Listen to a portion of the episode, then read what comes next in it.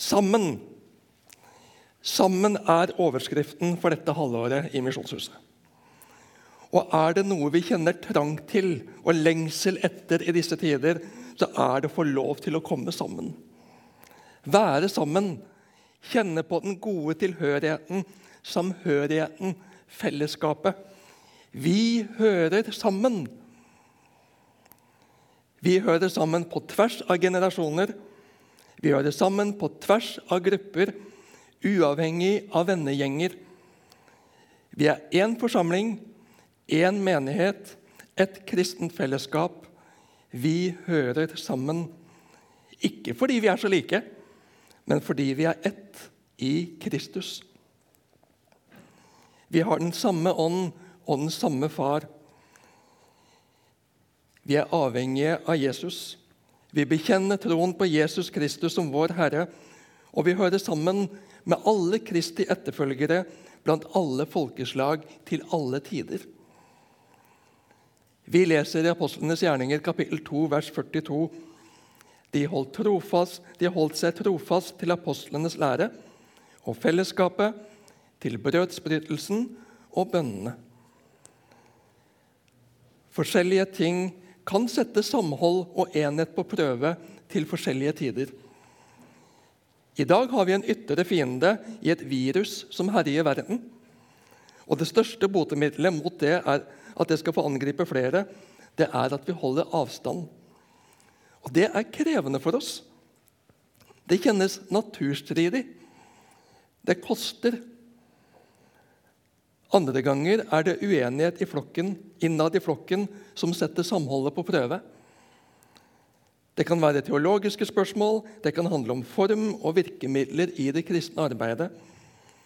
Og nå er vi midt oppi en beslutningsprosess når det gjelder huset vårt. Misjonshuset som vi er så glade i, som vi har så mange følelser i forhold til. Følelser i forhold til det en har vært med å bygge opp og drive og har lagt hundrevis, ja kanskje tusenvis av timers arbeidsinnsats ned i gjennom tiår. Og følelser knyttet til framtidshåp og framtidsdriv i forhold til å legge til rette for rammer som er åpne og tjenlige for barn, for at barna skal ha lyst til å gå her, være her, og at de skal få samme eierskapet til huset som vi har.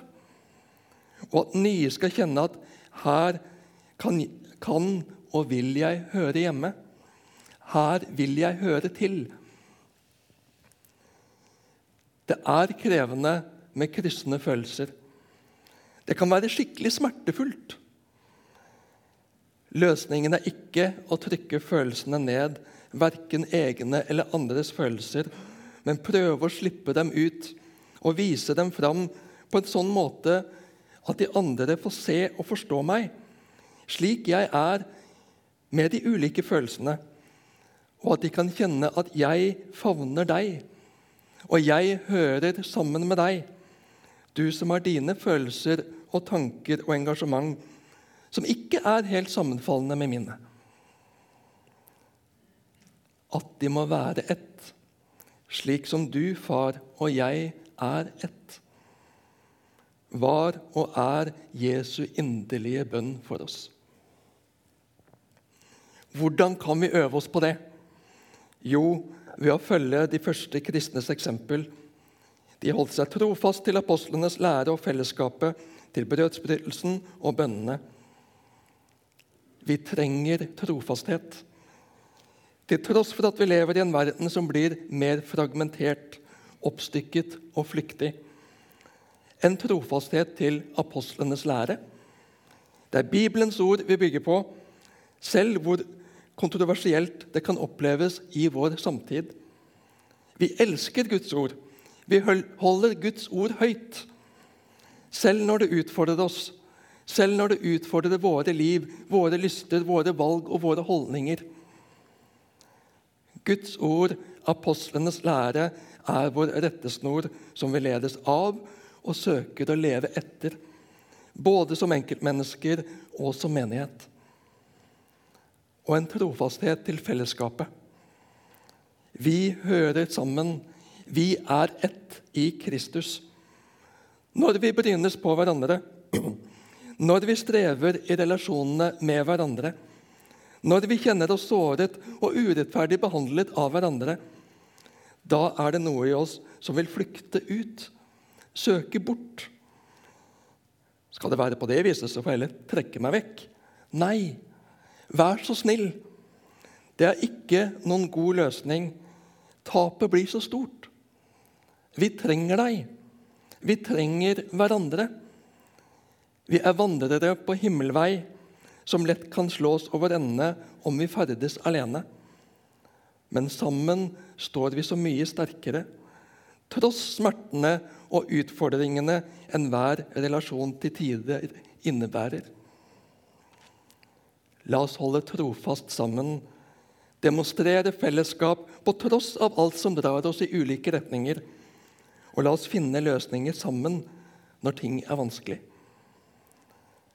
Ved å søke og lytte og forstå og demonstrere overfor hverandre den nådefulle kjærlighet som vi selv er så avhengig av, så klarer vi det ved Guds hjelp. Trofasthet til brødsbrytelsen, nattverden. Måltidet hvor vi får ta imot Jesus selv helt konkret. Et under, et mysterium som vi får oppleve igjen og igjen, så vi lett glemmer hvor stort det er. Fellesskapsmåltidet. Det hører jo til tradisjon tro på et årsmøte under normale forhold. Kompemiddagen. Høytid og fest for noen. En prøvelse på fellesskapet for andre. Men vi er rause, så vi har pølse i brød også. Og jeg, skulle, og jeg skulte misunnelig bort på Cato Myrvang sist vi kunne ha vanlig servering på årsmøtet. Han var modigere enn meg. Han var modig nok til å ta pølsa. Men jeg ville vise respekt for tradisjonen og kulturen. Og jeg hadde, hadde ikke lyst til å skille meg ut. Og jeg klarte å spise opp kompa så vidt. Forskjellige ting utfordrer forskjellige av oss. Men det er verken smaksløker, musikkpreferanser eller type stoler eller kunst som samler oss. Det er Jesus. Vi er ett i Jesus Kristus. Og til slutt trofasthet i bønnene. Under normale forhold så har vi tre bønnemøter i uka i Misjonshuset. Og jeg tror det er langt mellom i de andre typer samlinger som vi har på huset, og ut fra huset at det skjer at vi ikke ber. Det er langt imellom. Og jeg får stadig høre og jeg får stadig meldinger. Vi ber for deg og dine hver dag. Takk. Vi trenger hverandre. Og vi trenger å løfte opp hverandre gjennom gode ord, heder og omtanke, men ikke minst løfte hverandre opp til Gud i bønn. Vi står i en kamp. Vi er på en åndelig slagmark. Den onde vil slå splid og vondt innad i familien og i det kristne fellesskapet, men han skal ikke få vinne. Må vi nedbe Guds ånd og kraft og enhet i oss og mellom oss, og at den samme ånd og det samme budskap som har frelst oss og satt oss fri, at det må få slå ned og inn og frelse og føde på ny nye mennesker i vår by, i vårt land, ja, blant alle verdens folkeslag. La oss be. Himmelske Far, Jesus Kristus, du Hellige Ånd. Du ser oss og kjenner oss. Og takk for at du elsker oss mer enn vi kan fatte. Beskytt oss fra Satans angrep og ærekjærheten i oss. Bevar oss fra splittelse og strid. Led oss med ditt lys, din ånd, ditt sinnelag på din vei, også som forsamling. Amen.